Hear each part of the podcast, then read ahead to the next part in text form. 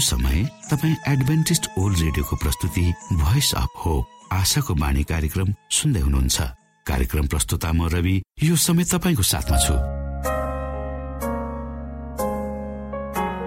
आफ्ना प्यारा श्रोताहरूको न्यानो माया र धेरै उत्साह दिने सकारात्मक प्रतिक्रियाहरूको सङ्गालो साथै लिएर आशाको बाणी कार्यक्रम डाँडा काँडा गाउँ बेसी हिमाल मधेस सुन्दर नेपालको सबै नेपालीलाई अनि मातृभाषा नेपाली बोल्ने अनि बुझ्ने प्रवासी नेपाली माझ पनि एउटा मन पर्ने कार्यक्रमको संज्ञाका साथ अगाडि बढिरहेको छ। हरेक दिनको कार्यक्रमहरू नयाँ र विशेष आत्मिकी बनाउनु हरेक श्रोताको चाहनालाई समेट्ने प्रयास गर्नु र तपाईँ सबैलाई हाम्रो मुक्तिदाता को हुनुहुन्छ भनी परिचय गराउनु हाम्रो उद्देश्य हो। यसमा तपाईँले हामीलाई साथ दिनुभएको छ। यसको लागि तपाईँलाई हामी धेरै धेरै धन्यवाद दिन चाहन्छौ। परमेश्वरको नामको महिमा होस् आज पनि हामी बाइबलबाट शिक्षाप्रद सन्देशहरू सुन्नेछौँ।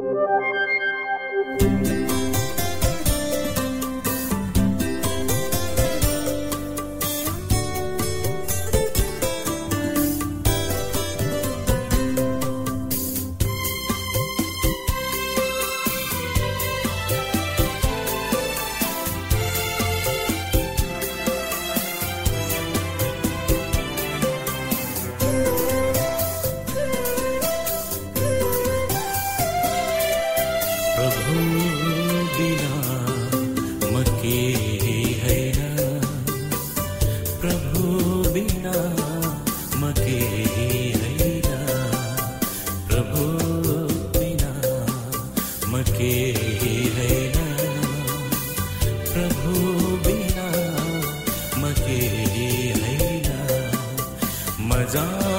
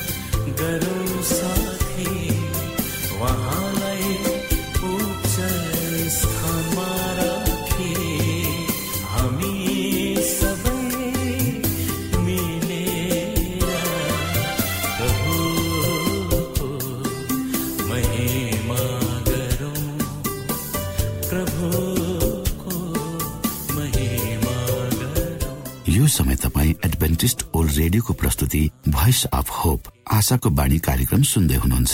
श्रोता मित्र यो समय हामी पास्टर उमेश पोखरेलबाट आजको बाइबल सन्देश सुन्नेछौ। श्रोता साथी न्यानो क्रिस्टी अभिवादन। म तपाईँहरूको आफ्नै आफन्त पास्टर उमेश पोखरेल। परमेश्वरको वचन लिएर यो रेडियो कार्यक्रम मार्फत पुनः तपाईँहरूको बीचमा उपस्थित भएको छु। मलाई आशा छ तपाईँ दिन प्रतिदिन परमेश्वरसँग आफ्नो जीवन यात्रालाई अगाडि बढाउँदै हुनुहुन्छ। र हाम्रो कार्यक्रम नियमित सुन्दै हुनुहुन्छ र अरूलाई पनि सुन्न प्रोत्साहित गर्दै हुनुहुन्छ। आजको प्रस्तुतिलाई पस्कनुभन्दा पहिले आउनुहोस् हामी परमेश्वरमा बिन्ती राखौँ। जीवी जिउँदो महान दयालु परमेश्वर प्रभु यीशु हामी धन्यवादी छौँ यो जीवन र जीवनमा दिनुभएका प्रशस्त आशिषहरूको लागि। प्रभु यो रेडियो कार्यक्रमलाई म तपाईँको हातमा राख्दछु। यसलाई तपाईँको राज्य महिमाको प्रचारको खातिर यो देश र सारा संसारमा तपाईँले पुर्याउनुहोस्। त्यसबाट धेरै मानिसहरूले तपाईँको ज्योति देख्न सकुन् र तपाईँको राज्यमा प्रवेश गर्न सकुन्। सबै बिन्ती प्रभु यीशुको नाममा। आमेन।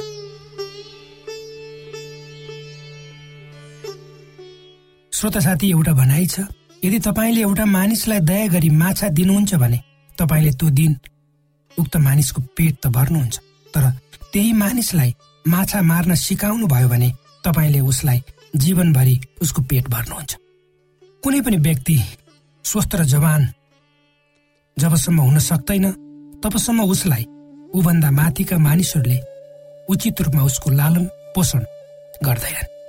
अर्थात् युवाहरूलाई हामीले कुनै उत्साह र सहयोग नगरी त्यसै छोडिदिउँ भने उनीहरूले केही पनि गर्न सक्दैनन् वा उनीहरूको क्रियाकलाप कुनै अर्थ बिनाको हुन सक्छ। अर्थात् आफ्नै नानीहरूलाई हामी हेरौँ उनीहरूलाई हामीले उचित शिक्षा दीक्षा दिएनौँ पालन पोषण गरेनौँ भने उनीहरू हुर्कन सक्दैनन्।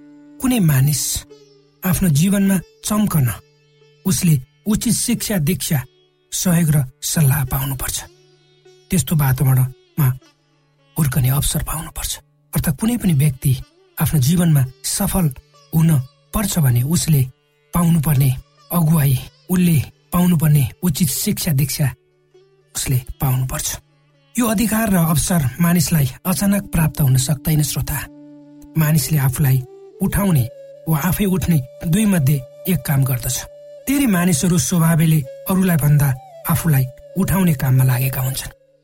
किनकि मानिस स्वभावले स्वार्थी प्राणी हो र जे कुरामा पनि आफू भन्ने भावनाले उसलाई गजगजाइरहेको हुन्छ।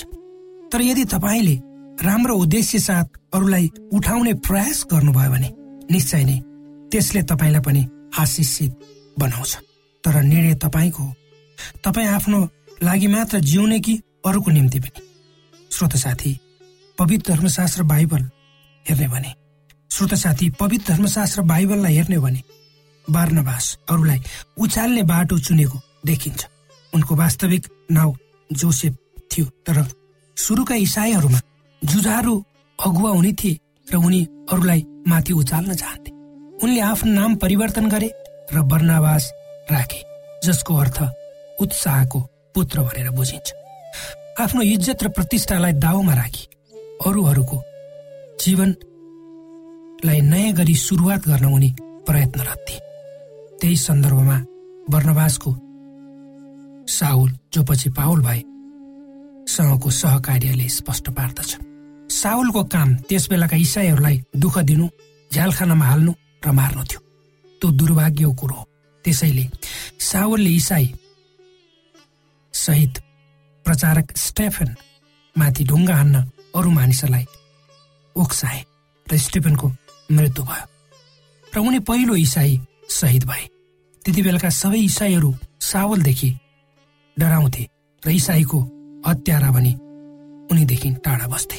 पवित्र धर्मशास्त्र बाइबलको प्रेरित नौ अध्यायको एकदेखि छ पदमा साउलको जीवनको परिवर्तन यसरी लेखिएको छ। आउनुहोस् हामी पढौँ। पवित्र धर्मशास्त्र बाइबलको प्रेरित नौ अध्यायको एकदेखि छ पद। साउल प्रभुका चेलाहरूको विरुद्धमा अझ पनि धम्की र हत्याको धुनमा प्रधान पुजारी कहाँ गए र तिनले त्यस मार्गका पुरुष होस् वा श्री जसलाई फेला पारे पनि तिनीलाई बाँधेर यरुसलेममा ल्याउन पाऊ भने दमस्कसका सभाघरको नाउँमा पुर्जी मागे। जब साउल यात्रा गर्दै धमस्कसको नजिक पुगे अचानक स्वर्गबाट एउटा ज्योति तिनको नजिक वरिपरि चम्क्यो। तिनी भुइँमा लोटे र तिनले यसो भन्ने स्वर सुने साउल साउल तिमी किन मलाई सताउँछौ? तिनले भने प्रभु तपाईँ को हुनुहुन्छ। अनि उहाँले भन्नुभयो म यसो हुँ जसलाई तिमी सताउनेदैछौ तर उठेर सहरमा जाऊ र तिमीले जे गर्नुपर्छ सो तिमीलाई बताइनेछ। यसुको ज्योतिले साउल तीन दिनसम्म नदेख्ने भए। त्यही प्रभु येसुले उनको आत्मिकी अन्धोपनलाई हटाइदिनु भयो र आफू मुक्तिदाता हुँ भन्ने कुरा उनलाई देखाइदिनु भयो साउल हृदयदेखि परिवर्तित भए र उनले आफ्नो नाउँ पनि परिवर्तन गरे र पावल राखे। अब उनी आफ्नो पुरानो जीवनसँग केही सम्बन्ध राख्न चाहँदैनथे तर प्रत्येक कुरा यसुमा हुने गर्न चाहन्थे। र उनले आफ्नो विश्वासलाई प्रभावकारी रूपमा अरू मानिसहरूसँग बाँडेर प्रभु येसुको प्रेममा उनीहरूलाई ल्याउन चाहन्थे। तर त्यति बेलाका इसाई अगुवाहरूलाई उनको विश्वास लागेन किनकि उनले हिजोसम्म गरेका कामहरू उनीहरूको आँखाको अगाडि घुमिरहेका थिए। उनीहरूको सोचाइमा पावलको साँचो परिवर्तन होइन त्यो देखावटी मात्र हो। ताकि आफू परिवर्तित भएको नाउँमा उनी अझ बढी इसाईहरू भित्र छिरी दुःख दिने हुन् कि भन्ने डर त्यति बेलाका इसाई अगुवाहरूमा थियो। यही अवस्थामा वर्णवास पावल र त्यति बेलाका इसाई अगुवाहरूको बीचमा आएर पुलको काम गर्छन् र उनले साउल र प्रेरितहरूलाई एक ठाउँमा राखेर दमस्कसको बाटोमा साउलसँग परमेश्वरले कसरी बोल्नुभयो भनेर स्पष्ट पार्छन् र साउल दमस्कसमा साथ यसुको नाममा प्रचार गर्दैछन् भनेर उनले बताउँछन्। त्यति बेला इसाई अगुवाहरूको आँखामा पावल तल्लो स्तरमा थिए र वर्णवासले ठुलो कोसिस गरेर ती अरूहरूको आँखाबाट पावललाई माथि उचाल्ने काम गरे। त्यस समयदेखि पावललाई यसुको नाममा प्रचार गर्न दिइयो र सुरुको इसाई मण्डलीका एउटा ठुला प्रचारक पावल बने। तर यो कुरा वर्णवास जसलाई उत्साहको पुत्र भनिन्छ उनी थिएनन् भने त्यो पावलको लागि सम्भव थिएन। सुरुका इसाई नेतृत्वमा वर्णवासको राम्रो प्रभाव थियो। त्यसैले त्यति बेलाका इसाई अगुवाहरूले वर्णवासले पावलको विषयमा भनेका कुरा सम्मानपूर्वक सुने जुन कुरा उनीहरू सुन्न चाहँदैनथे। निश्चय नै मानिसको प्रभावले धेरै असम्भव कामहरूलाई पनि सम्भव बनाउन मद्दत गर्छ। जति बेसी तपाईँ आफ्नो लगानी अरूहरूमा लगाउनुहुन्छ त्यति नै तपाईँको महत्व पर्छ। तर कसैमाथि आफ्नो प्रभाव कायम राख्न तपाईँले जोखिम वा खतरा उठाउनु पर्छ। जब तपाईँ अरूहरूमा आफ्नो प्रभाव कायम राख्नुहुन्छ तब यो छिटो बढ्छ। जब मानिसहरूको सफलतामा तपाईँ खुसी हुनुहुन्छ तब तपाईँको प्रभाव तिनीहरूमा निश्चय बढ्छ। जब तपाईँले कुनै पनि मानिसलाई उसको जीवनमा सफलता हासिल गर्ने बाटोमा लगानी गर्नुहुन्छ भने आफ्नो लगानीको प्रतिफल तपाईँले अवश्य पाउनुहुन्छ। जब तपाईँ अरू मानिसहरूमाथि आफ्नो प्रभावद्वारा लगानी गर्नुहुन्छ र ती मानिसहरूको समस्याहरू अप्ठ्याराहरू र मनमा भएका अव्यक्त कुराहरूलाई तपाईँ सुन्नुहुन्छ र उनीहरूको विश्वास जित्न सफल हुनुहुन्छ र उनीहरूलाई हृदयदेखि मद्दत गर्न चाहनुहुन्छ। निश्चय नै तपाईँको उक्त प्रयासले ती मानिसहरूको जीवन परिवर्तित हुनेछ र उनीहरूले असम्भव ठानेका कुराहरू आफ्नो जीवनमा सम्भव भएको देख्नेछन् र तपाईँप्रतिको सम्मान पनि बढ्नेछ। श्रोत साथी वर्णवासले पाउल प्रेतसँग केही वर्षसम्म बिताए। उनीसँग विभिन्न ठाउँमा घुमे प्रचार गरे। उनले पावललाई उठाएर सक्षम बनाए र धेरै ठाउँमा प्रभुको काम गरे। यो कुरा केवल विश्वासद्वारै मात्रै सम्भव छ। पावलले वर्णवासमाथि पूर्ण विश्वास राखे र वर्णवासले पनि पावलमाथि विश्वास गरे र उनले हिँड्नुपर्ने बाटोमा निरन्तर तालिम दिए। र दुवैजना एउटा उद्देश्य अनुसार एउटै काम एउटै मनका भएर अगाडि बढे। वर्णवासले जसरी साउल र त्यति बेलाका इसाई अगुवाहरू बीचमा पुलको काम गरे। किनकि परमेश्वर त्यसै गरी तपाईँ हामीले पनि आफ्नो जीवनमा यस्ता कामहरू गर्नुपर्छ। र भनिन्छ पवित्र धर्मशास्त्रमा पापको जेला मृत्यु हो तर परमेश्वरको सित्तेको वरदान क्रिस्ट यसु हाम्रो प्रभु अनन्त जीवन हो। तपाईँ र मेरो र परमेश्वर बीचको खाडललाई पूर्ण यसुले मृत्युलाई स्वीकार गर्नुभयो। उहाँले हामीलाई पूर्ण रूपले उठाउनु भयो र भन्नुभयो यो मेरो सन्तान हो जसलाई म धेरै प्रेम गर्छु। जब तपाईँ मलाई कसैले अवसर दिँदैनन् तर यसु हामीलाई अवसर दिन सधैँ तयार हुनुहुन्छ। अहिले नै यसु स्वर्गमा आफ्नो पिता अगाडि उभिरहनु भएको छ र हाम्रो पक्षमा उहाँमा प्रभाव पारिरहनु भएको छ र भरिरहनु भएको छ। म तपाईँको पुत्र हो। म उनीहरूको निम्ति मरे र यी कुरा सुनेर पिता परमेश्वर मुस्कुराउनुहुन्छ र प्रभु येसुको कारण हामी स्वतन्त्र भयौँ।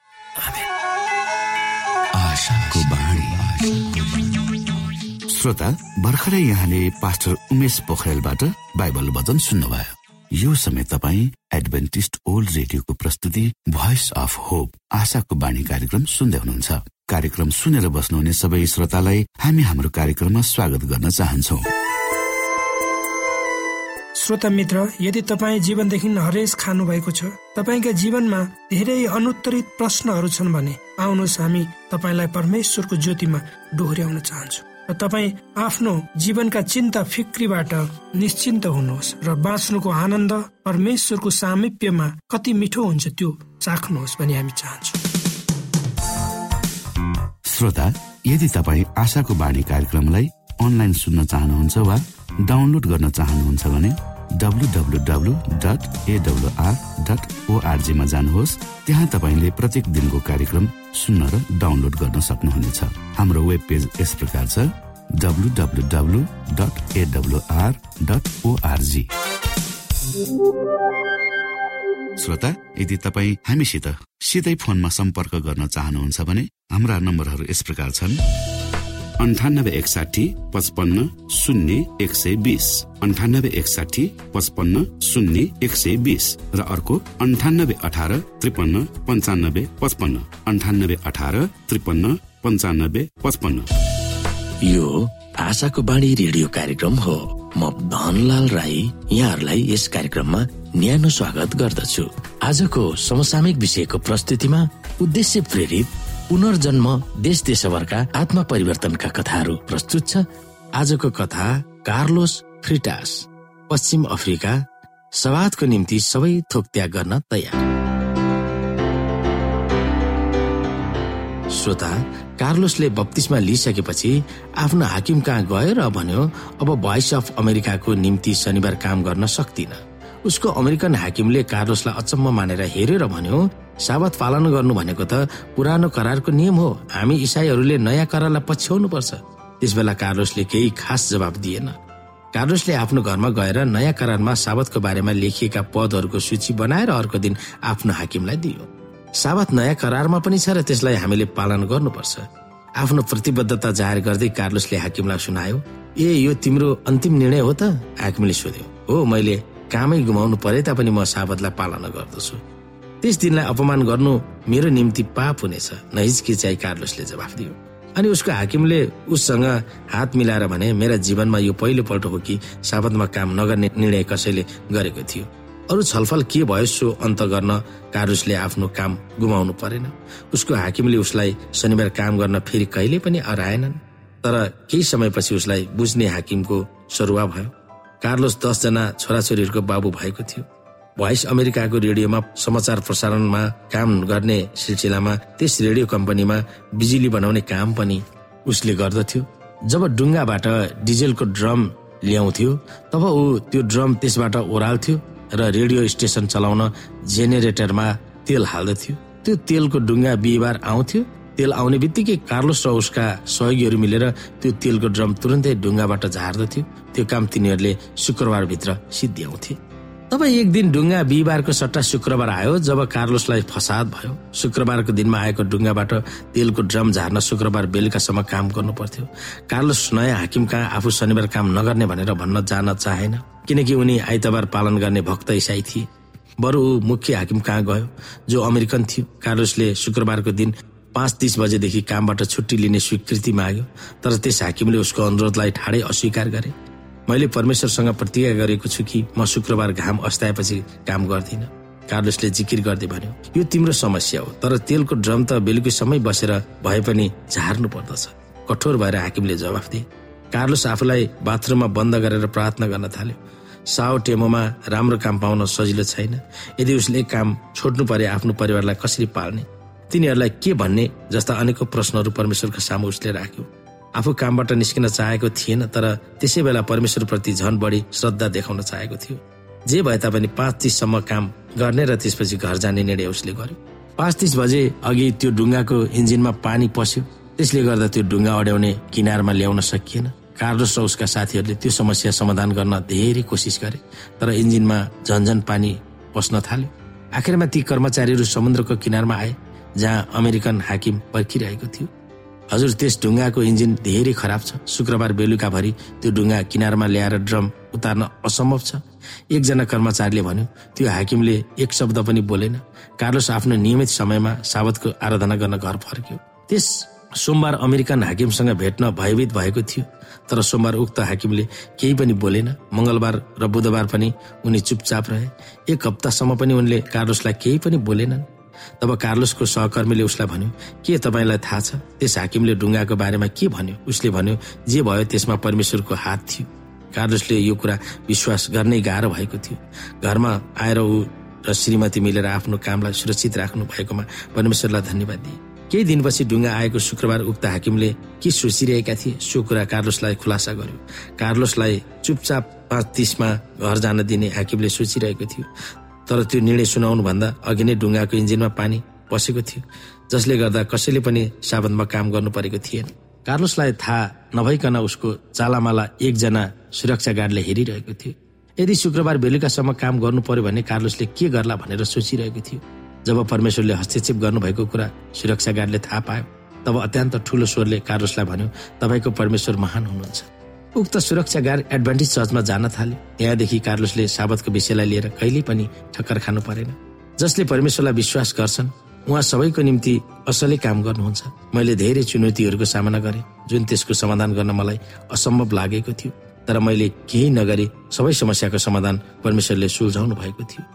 अडचालिस वर्षको कार्लुसले रमाइलो मान्दै भने साओ टोमे र प्रिन्सिपे देशका धेरै जसो मानिसहरूलाई साबतको बारेमा थाहा छैन।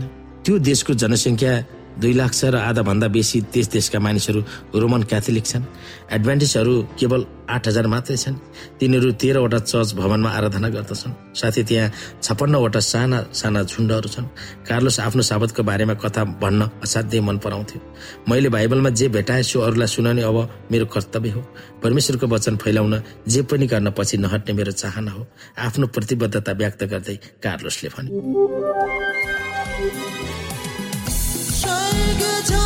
深深